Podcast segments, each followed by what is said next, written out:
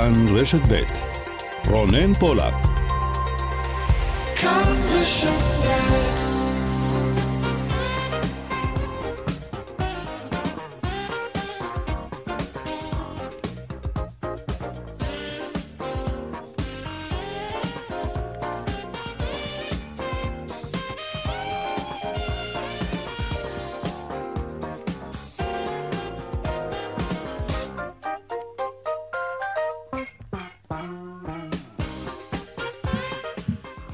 עכשיו ארבע ועוד חמש דקות בדיוק, צבע הכסף, התוכנית הכלכלית כאן ברשת ב', שלום לכם ותודה שאתם איתנו, שבוע טוב כמובן. מה שקורה בימים אלה בנמלי התעופה ברחבי העולם, ומה שאפשר בפירוש להגדיר כאוס. התמונות שמגיעות ממש בדקות האחרונות מנמל התעופה היטרו, בלונדון, תמונות לא, יאומ, לא, יאומ, לא להאמין שהן קיימות, נוסעים שאינן מורשים להיכנס לשטח הנמל בגלל עומס, וזה לא רק שם, בהיטרו, זה כמעט בכל נמלי התעופה באירופה. טיסות מתבטלות, מתעכבות, מזוודות שלא מועמסות, וגם כאן בנמל התעופה בן גוריון, נוסעים ממתינים שעות ארוכות לטיסה, לבידוק, בדרך לחופשה החלומית. חלום שעבור רבים הוא כבר חלום בלהות.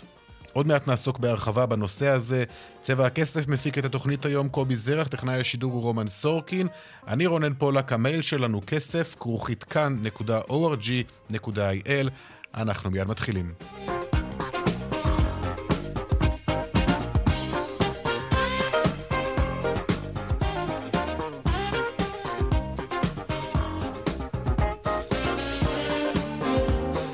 כותרות צבע הכסף, סכסוך העבודה במערכת החינוך, החינוך, הלימודים היום בבתי הספר התחילו ב-10 בבוקר. האם אנחנו בדרך לשביתה כללית עוד לפני סיום שנת הלימודים? שלום לך איתי שיקמן, כתבנו לענייני חינוך. כן, שלום רונן, וזו שאלת השאלות. האם אנחנו נראה שביתה כללית? ייתכן כבר השבוע, אני יכול לומר לך שיפה בן דוד שומרת את הקלפים קרוב קרוב לחזה. אנחנו...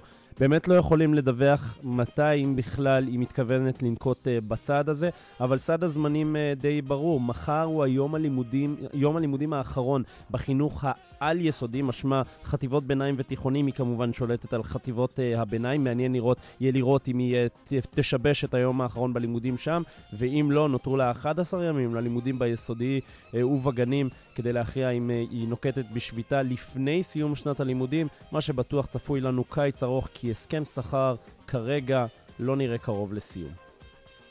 וגם המשא ומתן לא מתקדם, כך זה נראה לפחות. לגמרי. תודה, איתי שיקמן. תודה. העלייה בתחלואת הקורונה, האם עוד השבוע תוחזר חובת עטיית המסכות במקומות סגורים?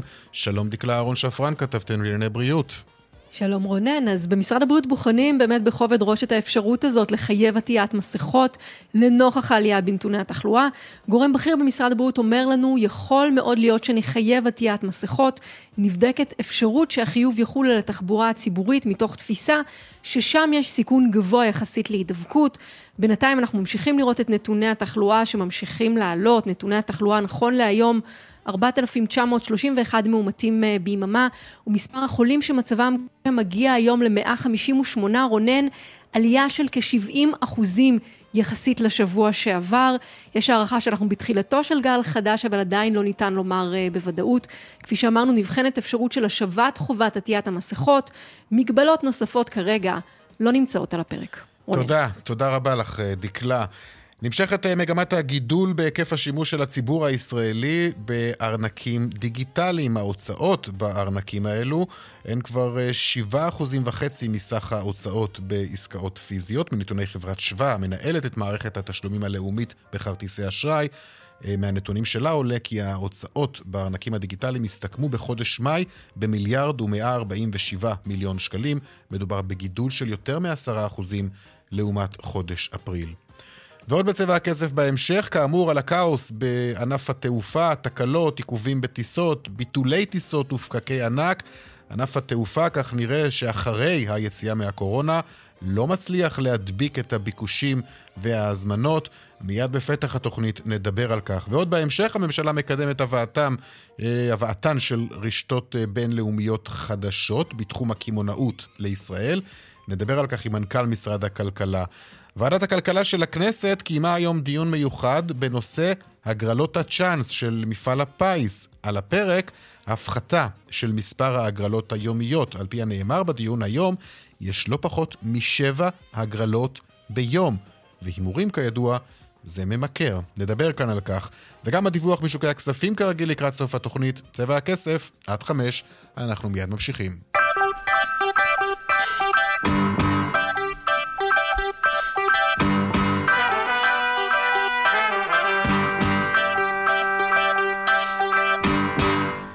עכשיו למה שכבר אפשר לכנות הבלגן, אולי הכאוס בשדות התעופה, תתפלאו, אבל זה לא רק אצלנו כאן, זה בכל העולם. הנה למשל בבריטניה, בשדה התעופה היטרו, נותרו אה, מאות מזוודות בשדה בגלל תקלה טכנית, ובעקבות כך נוסעים נאלצו לנסוע בלי המזוודה, אחרים נאלצו להמתין שעות למזוודות שלהם, וזו רק דוגמה אחת. כאמור, יש עוד הרבה, יש אפילו דוגמאות מהיום, ממש מהדקות האחרונות, על נוסעים שתקועים בכניסה לשדה התעופה שם. שלום לך, שרון עידן. כתבנו לענייני תיירות ותעופה. שלום, שלום רונן. אז בוא, זה, זה, זה, זה, זה, זה עניין שהוא כמובן לא רק בהית'רו, זה בהרבה מאוד מקומות, וגם אצלנו כאן זה בא לידי ביטוי בעומסים. שמע, רואים את זה באמת בכל העולם, דווקא אני חושב שבשדות תעופה גדולים שהם שדות של קונקשן עם hub ים, כמו למשל הית'רו, כמו למשל פרנקפורט, כמו למשל אה, אמסטרדם, סחיפול, אנחנו רואים שם אפילו בעיות עוד יותר גדולות, משום שחלק גדול, אה, מה שאתה דיברת עליו ובצדק, עניין המזוודות, תחשוב שכשעכשיו אדם יוצא לצורך העניין מישראל לניו יורק וטס דרך פריז או דרך אה, לונדון, ובעצם המזוודה צריכה לעבור פעמיים, שני מטוסים, אז זה מגדיל עוד יותר את הסיכון שהמזוודה לא תגיע. תשמע, אין מספיק כוח אדם, כלומר אנחנו רואים שבכל העולם אה, מתברר שאותה תופעה אה, קורית, בחלק מהמקומות זה יותר בעייתי, בחלק פחות, אבל אין שום הגדרה אחרת רונן, אנחנו מדברים ממש הייתי אומר על סף של קריסה בחלק משדות התעופה באירופה. המקרה היותר טוב, כלומר זה באמת עניינים שקשורים לתורים ולמזוודות, הסיפור מתחיל בזה שכרגע אנחנו מדברים כבר על ביטולים משמעותיים של טיסות שיהיו לאורך כל הקיץ, כלומר אנחנו גם רואים פעם אחת חברות שמתחילות לדלל טיסות, וגם שדות תעופה שמודיעים לחברות התעופה, תורידו חמישה אחוז, עשרה אחוז, רק לסבר לך את האוזן, למשל בשדה התעופה השני בגודלו בלונדון, בגטוויק, אנחנו מדברים ביולי-אוגוסט על ביטול של בין 4,000 ל-5,000 טיסות, כן? זה המספרים שכבר מדברים עליהם. לופטנזה בגרמניה מבטלת כ-900 טיסות בשלב ראשון, בעיקר בסופי שבוע. זאת אומרת, זה גם יגיע אלינו. חלק גדול מהחברות פשוט לא מצליחות לתפעל את זה. מי שעקב אחרי וויזר בטיסות שלה מלונדון לישראל יכול לראות שחלק גדול מהטיסות בימים האחרונים בוטלו. אותו דבר אנחנו רואים כרגע גם חברת התעופה הבלגית, בראסל איירליינס, והדבר הזה, רונן, רק ילך ויתרחב. אין מספיק כוח אדם, ובמרכאות ברולטה הזאת, שבה חברות התעופה צריכות להתאים את עצמה לנמלי התעופה, קווים מתבטלים, רק אתן לך מספר די מדהים, אה, שדה התעופה באמסטרדם, סחיפול, הרביעי בגודלו באירופה מבחינת אה, תעבורה, אנחנו מדברים על יכולת שהייתה לו ב-2019 לתפעל סדר גודל של כ-230 עד 250 אלף תנועות ביום. מודיע שדה התעופה הזה באמסטרדם, אנחנו נטפל בבין 70 ל-80 אלף בלבד בשיא הקיץ, כן, ביולי-אוגוסט, ללמדך שהולכת להיות פה קטסטרופה גדולה מאוד. אגב, חברת KLM כבר הודיעה שהיא תתבע את נמל התעופה בגלל הנזקים שהוא גורם לה, כשהוא אומר שאני יכול בעצם בין שליש לרבע לתפעל ממה שהיה בעבר. מה קורה אצלנו כאן בארץ? תראה, אצלנו התופעה היא די דומה. אנחנו רואים היום בנתב"ג תורים ארוכים מאוד בחלק מהמקרים. בטרמינל 1 ראינו אנשים עומדים שעה כמעט מחוץ לטרמינל רק כדי להיכנס לביטחון. טרמינל 3 כמובן גם הוא אה, אה, עם תורים, עם עיכובים מאוד מאוד משמעותיים. אין מספיק כוח אדם. אמר אה, מנהל אה, נתב"ג שמוליק זכאי שרק באפריל 23, הוא אמר את זה בכנסת לפני כשבועיים, נתחיל לראות ניצנים של הסיפור הזה. אה, משתפר, אני מעריך שזה ייקח לפחות עוד שנה. רגע, אבל בואו בוא תסביר לנו מה זאת אומרת אין מספיק כוח אדם. אנחנו מדברים על מערכת שהושבתה הרי בתקופת הקורונה, ועכשיו נכנסה לפעילות והביקושים גדולים מאוד, ואנשים שפוטרו או יצאו לחל"ת לא חזרו? תראה, הרי אני מזכיר לך שביותר ממקרה אחד שמענו גם את שר האוצר אומר לאנשים תחפשו עבודה אחרת, כן, הוא אמר את זה בעיקר למורי הדרך, אבל התייחס ביותר מדי מקרים לכל ענף התיירות. ההערכות בענף היו שזה ייקח שנים עד שזה יחזור לעצמו, אפילו 4-5 שנים, עברו שנתיים וזה הרים לגמרי את הראש, אנשים רוצים לטוס, ולכן קורים פה שני דברים. חלק מהאנשים שעבדו בתחום ולא רוצים לחזור אליו כי הם אומרים תודה רבה, הספיק לי, הרחיקו אותנו מכאן, באמת עזבו אותו. חלק אחר אומר, לא, אני לא מוכן גם בשביל השכר הזה להגיע ולעבוד, מנסים באיזשהו מקום גם לשפר את השכר, זה רחוק מלהצליח, ולכן כרגע אנחנו רואים בעצם בכל... נתב"ג ובכל שדות תעופה בעולם תופעות דומות. זה לא רק אנשים שקשורים לחברות התעופה או לחברות ה handling בטרמינל, אני מדבר איתך גם על אנשים שאמורים למשוך מטוסים ב pushback, מנהלי רחבות, אין מספיק אנשים. אנחנו רואים היום בנתב"ג, מי שיסתכל ככה בשביל הספורט, כן, על לוח הטיסות, לוח ההמראות, תראה שאין המראות של אה, טיסות שממריאות בזמן. זה השוליים של השוליים של השוליים, העיכובים הם בין חצי שעה לשעה וחצי, שעתיים, ולזה יש משמעות בעיקר, רונן, למי שטסים בקונקשנים, כי אם אתה טס לפריז ותגיע שעתיים באיחור, זה נורא מבאס, אבל זה שעתיים איחור. אם אתה אמור להמשיך משם ליעדים אחרים, אז קח בחשבון שייתכן מאוד שגם תפספס את הקונקשן, mm-hmm. וזו צרה צרורה חדשה שגם היא עכשיו אה, נמצאת. וזה עוד לפני שדיברנו על שביתות הטייסים באל על, רק היום אה, רונן, אחרי שראינו בסוף השבוע אה, תשע טיסות מתבטלות, בחמישי שש ובשישי שלוש, הנה אנחנו רואים בשעה האחרונה שוב את הריטואל חוזר. אה, הרבה מאוד טיסות של אל על, למרות הדיון שהיה בבית המשפט ביום חמישי, גם הן מתבטלות. אני רואה עכשיו את ליסבון, וינה, יעדים רבים מאוד באירופה אה, שהטיסות האלה לא יצאו היום, וזה כמובן טיסות בשני הכיוונים, משום שכשהמטוס הזה לווינה לא יוצא מנתב"ג, הוא גם לא מחזיר את ה-180 איש שממתינים בווינה לחזור לישראל, מדברים על משהו כמו בין 1,500 ל-1,600 אה, נוסעים שנתקעו רק היום בשביתה הזאת של אה, טייסי אל על. אוקיי, שרון עידן, תודה. תודה רונן, תודה לך. שלום לך זיו רוזן, מנכ"ל קבוצת גוליבר. שלום רונן. בוא תסביר לנו קודם כל. אתה למשל מוכר עכשיו טיסה, אתה לא יכול לתת לי ערבות שהטיסה הזאת אכן יוצאת, או ש, ש, ש, שאני מגיע למחוז חפצי. כן, לא, מה ששרון תיאר זה באמת המצב בעולם וגם בישראל.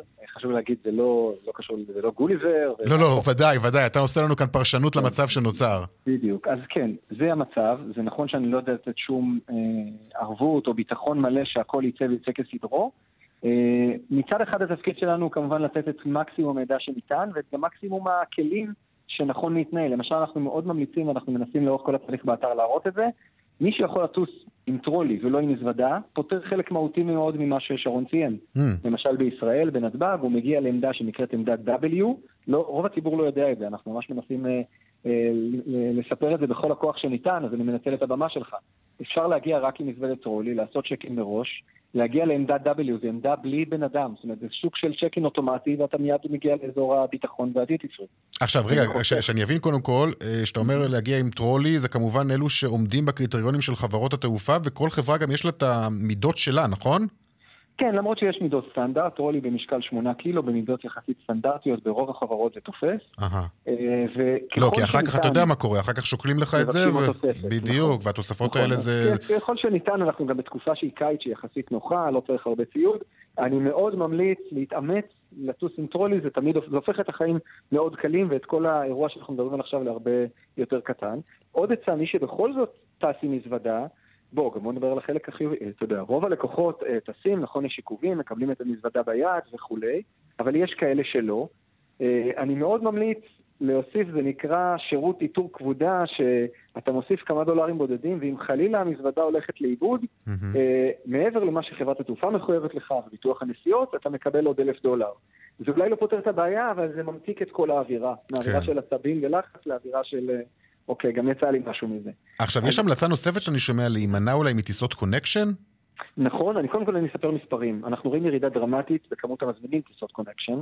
כלומר, אם בעבר השיקול היה, בוא נמצא את הטיסה הזולה ביותר גם באמצעות טיסת קונקשן, אנחנו רואים שהצרכן הישראלי במספרים שלנו, זה כבר לא הדבר שהכי מעניין אותו, ולכן יש ירידה בכמות טיסות הקונקשן, זה נכון, ובהחלט מציע לשקול את זה, לא המחיר הוא הדבר החשוב ביותר, לפעמים גם הפער הוא לא כזה משמעותי, אלא בטיס, בטיסה שהיא טיסה ישירה, גם הסיכוי שאם חלילה יש עיכוב, אז המשמעות או הנזק הוא רק העיכוב עצמו ולא אם מזוודה לא מגיעה ליעד הקונקשן אז הנזק יכול להיות יותר גדול.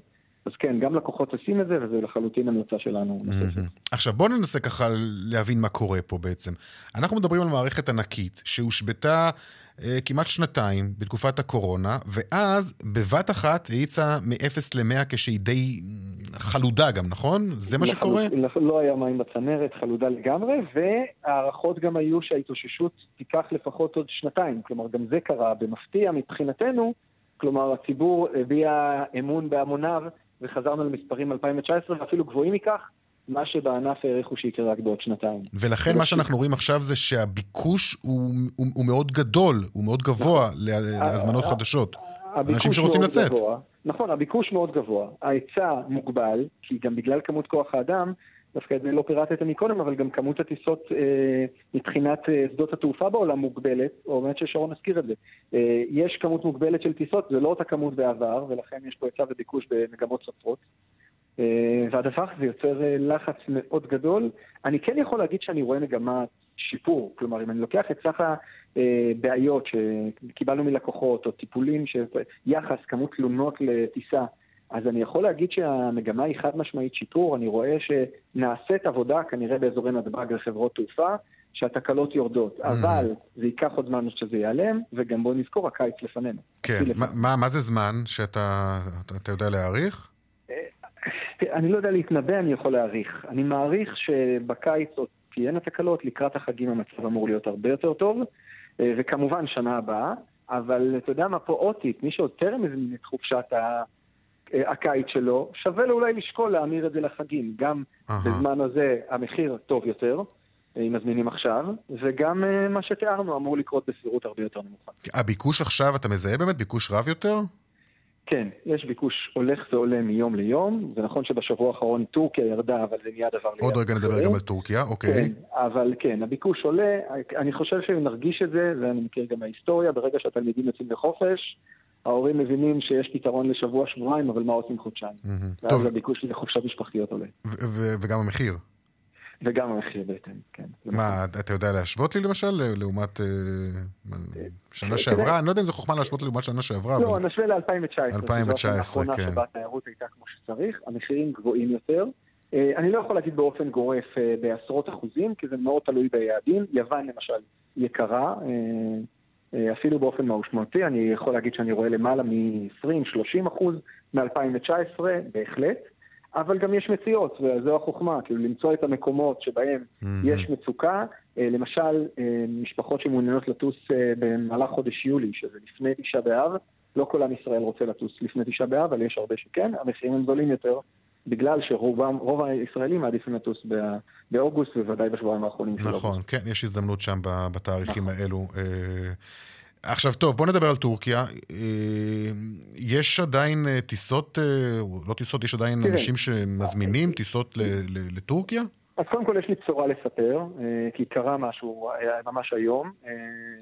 זה טיסות ממריאות, אבל הרוב המוחלט של חברות התעופה והספקים, הלחץ שעשינו ודומינו עשו, אה, עזר ומאפשרות להזיז את החופשה אה, למועד אחר ללא תשלום.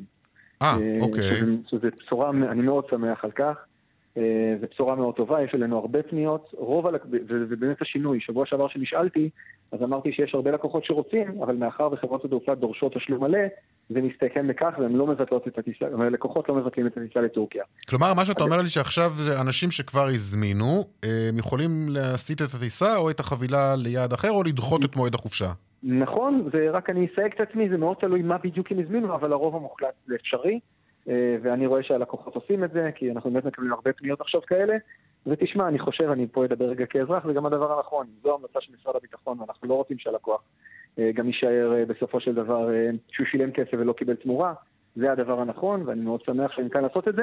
נצל את הבמה עד הסוף, מי שעושה את זה בחודש יוני. כלומר, ביולי, נכון לעכשיו, לא ניתן יהיה לעשות את זה.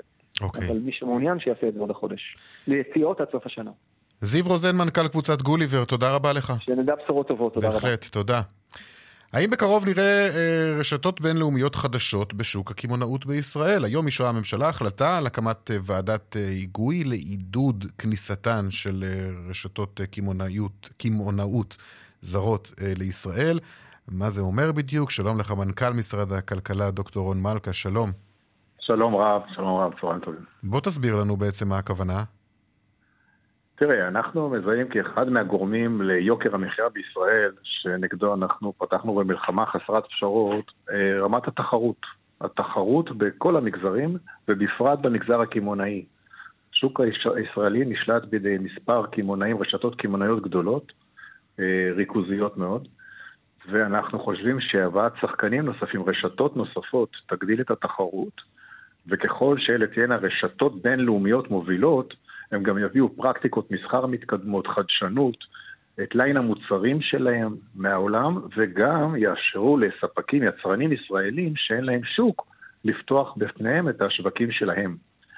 ואנחנו חושבים שזה בהחלט ישפר את רמת התחרות, את השירות לאזרח, ובסוף את המחירים, את יוקר המחיה. כמה רשתות כאלה אתה רואה בדמיונך? אה, אנחנו אה, בקשר עם ארבע רשתות, אחת מהן כבר חשפה את עצמה, הייתה פה מספר אה, פעמים, רשת דנוב מהאמירויות, אנחנו בקשר עם עוד רשתות, גם מארצות הברית וגם מאירופה. יש עניין, השוק הישראלי הוא כבר שוק שמעניין ברמה הבינלאומית, כמעט עשרה מיליון תושבים, חמישים אלף דולר פר קפיטה בשנה, לאדם בשנה זה תוצר משמעותי. ולכן השוק הישראלי הוא אטרקטיבי. יש חשש, אה, שהוא כנראה שמנו יצא החוצה עם רגולציה ובירוקרטיה, ולכן הקמת ועדה כזאת שבעצם אומרת לרשתות האלה, אנחנו מעוניינים שתבואו. שווה לכם, זה מה שרוצים לומר להם. יהיה מי שיקל עליכם. Mm-hmm. אתם לא תיתקלו בכל מיני חומות בירוקרטיות וחסמים אה, אה, לא אפשריים או לא סבירים. אנחנו שם, השוק הישראלי רוצה אתכם, רוצה פה תחרות, רוצה פה חדשנות, ולכן בואו ואנחנו נסייע. תגיד, גם מופעלים עליכם כבר לחצים מצד הרשתות המקומיות? אתה מזהה לחץ או דאגה אולי גם?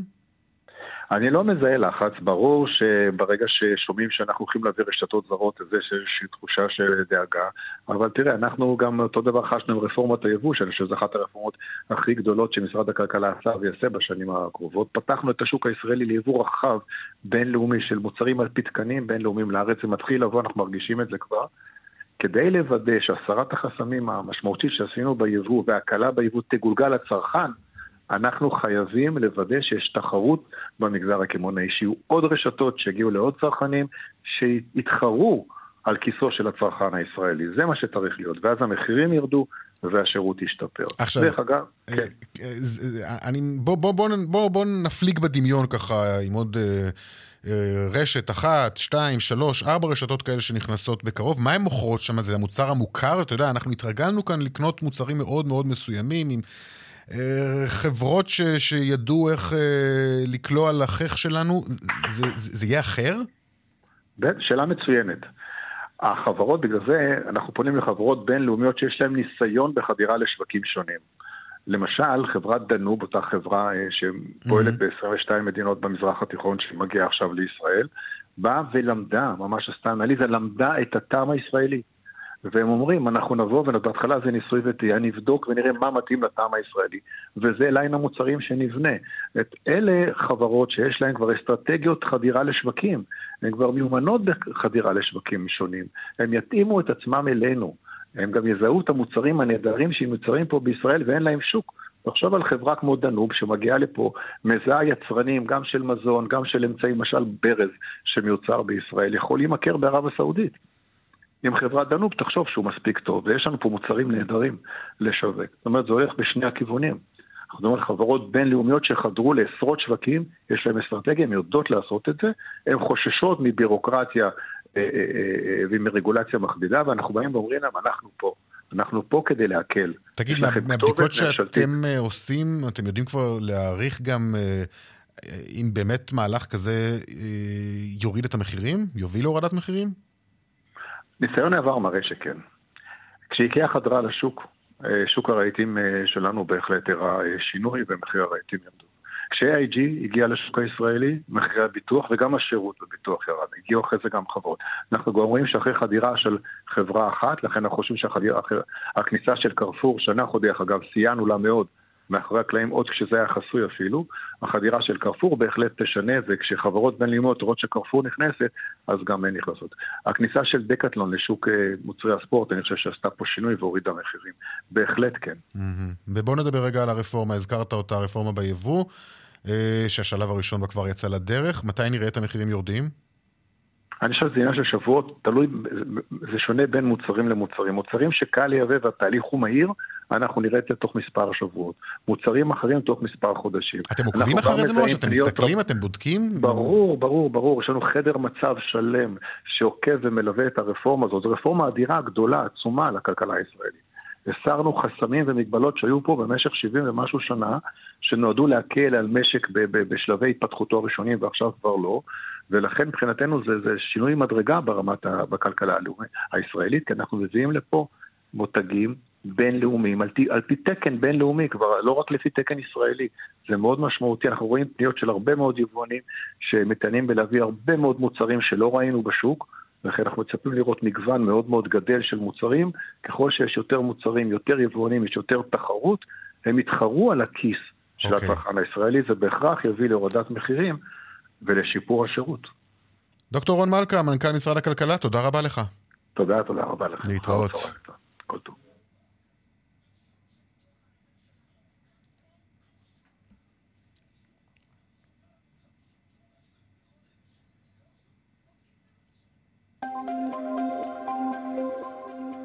דיווחי תנועה דרך החוף אה, צפונה עמוסה מגעש עד נתניהו, ממחלף חבצלת עד מכמורת. בדרך שש צפונה עמוס ממחלף נשרים עד בן שמן. גאה צפונה אה, עמוס ממחלף גנות עד גבעת שמואל, דרומה ממחלף מורשה עד מסובים, בדרך תל אביב-אשדוד עומס תנועה ממחלף יבנה לכיוון מחלף אשדוד בגלל תאונת דרכים.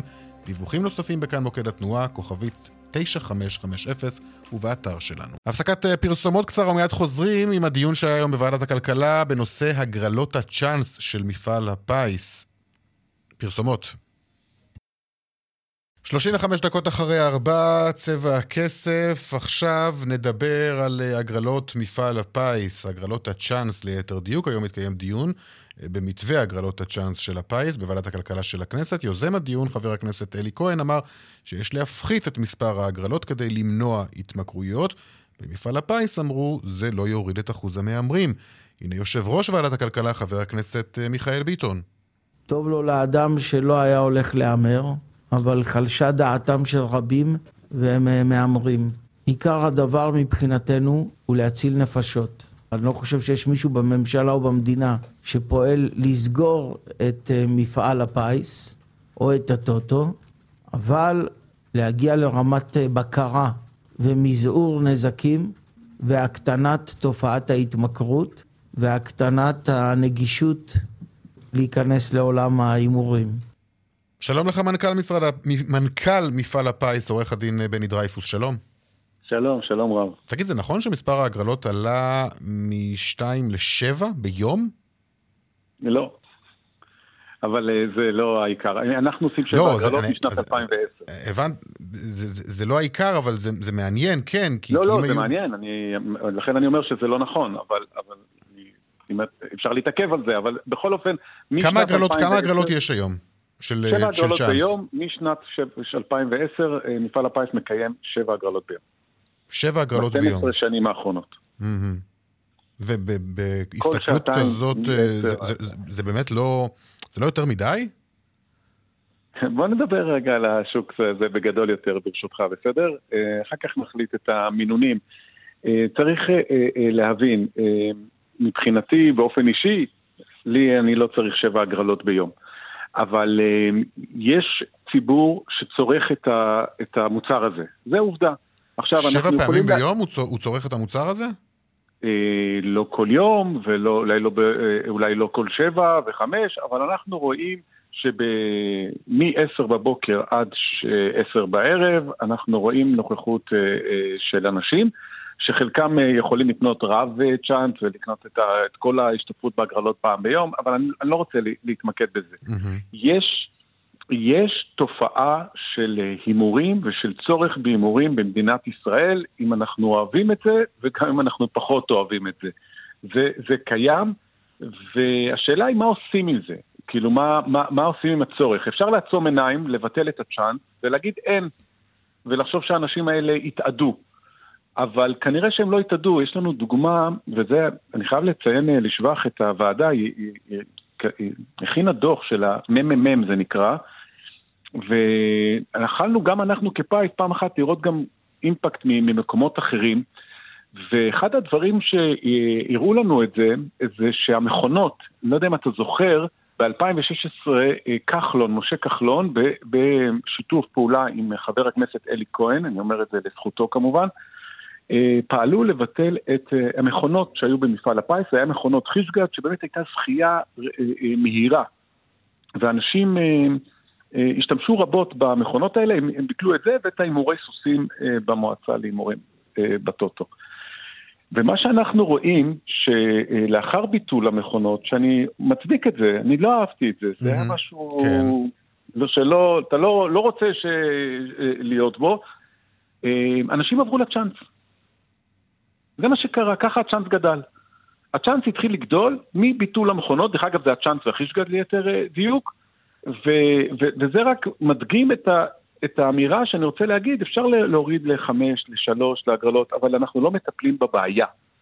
זה, זה, זה הסיפור. כלומר, אתה אומר המכונות, המכונות הוסרו, אבל מספר המהמרים לא אה, נכון, קטן. נכון, ומספר המכורים לא קטן, וחלקם הלכו גם ל, ל, לשוק הבלתי חוקי שהוא נורא נורא מתפתח, ועכשיו נעשה בכלל פופולרי בעקבות הקורונה, שהרבה הלכו לאונליין.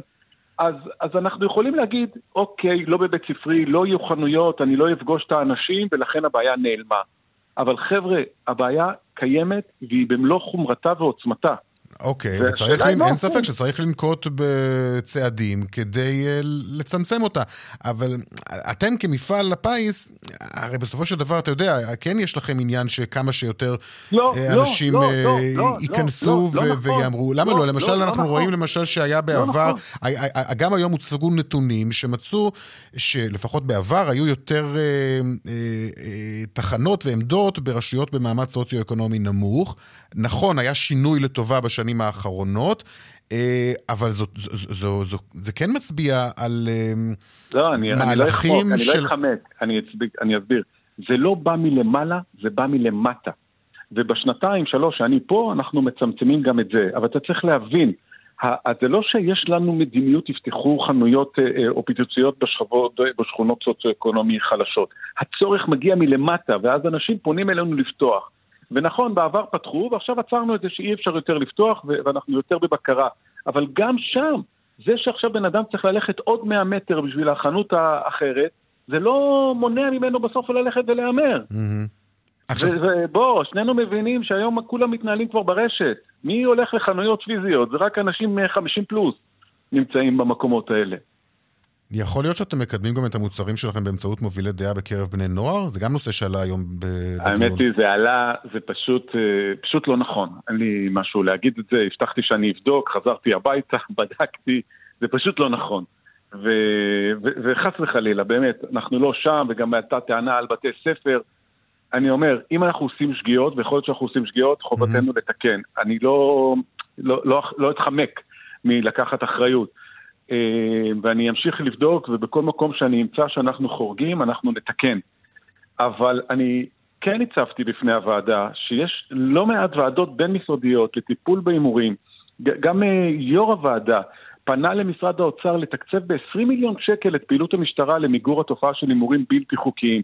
יש לי ועדה בין-משרדית אה, של משרדי הרווחה אה, שאמרה מספר המלצות עוד ב-2000, וההמלצות פורסמו ב-19, כן. לעשות קמפיין, לתת מענה ראשוני לפניות באמצעות קו טל, שום דבר לא קרה.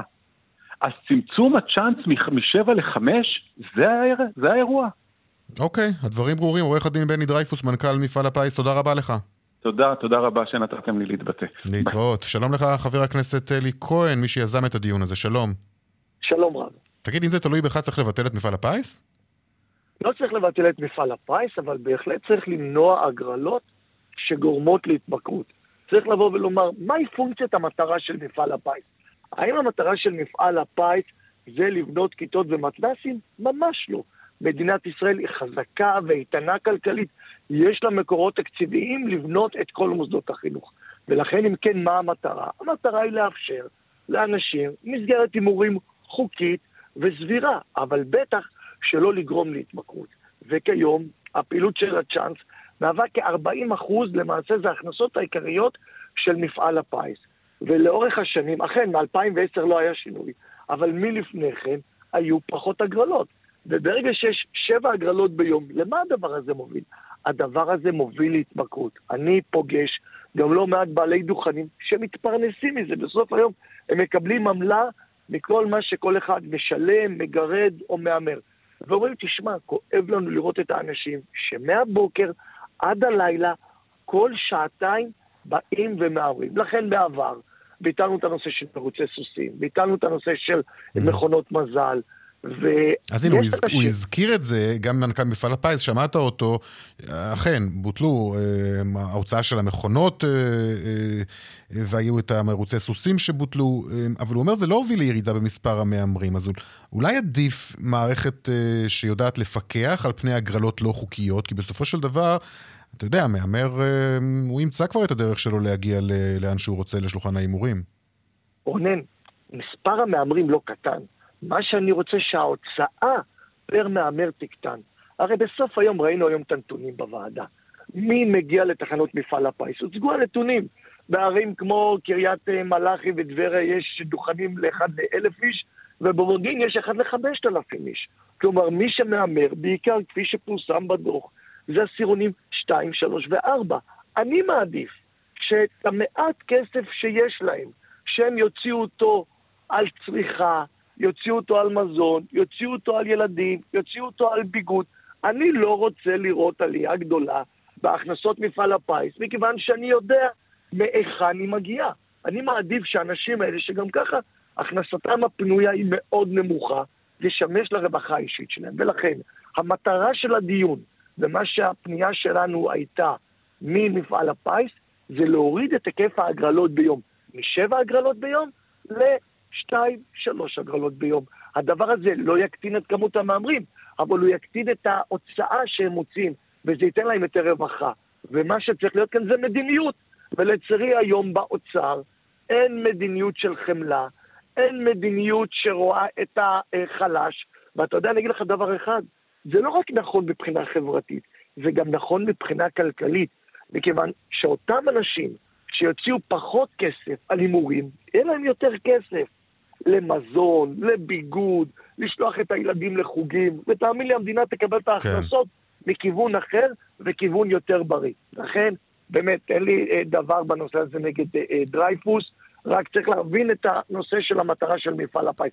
וכאן צריכה להיות מדיניות. אוקיי. ביום שאני שר אוצר, אני אומר לך בצורה ברורה, כמות ההגרלות תקטן, על מנת שאנשים יוציאו את הכסף במקום יותר ראוי. אוקיי, okay, הדברים ברורים. חבר הכנסת אלי כהן, תודה רבה לך. הליכוד, תודה. תודה. להתראות.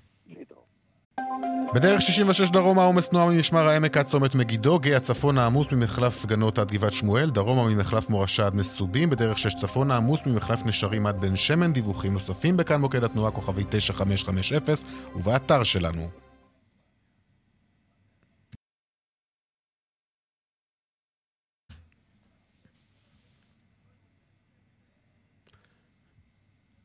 פרסומות כבר חוזרים. עשר דקות לפני uh, חמש, עכשיו נדבר על חשבונית דיגיטלית. נכנס, נתקלתם בזה מן הסתם, שואלים אתכם בחנות אם אתם רוצים קבלה לסלולר או קבלה מודפסת, אז uh, בקרוב אולי זה יהיה משהו שעסקים יהיו חייבים לעשות. שלום לך רונן רגב כביר, מנהל פיתוח מקצועי בארגון אמון הציבור, שלום. שלום, שלום. מה אומרת הצעת החוק?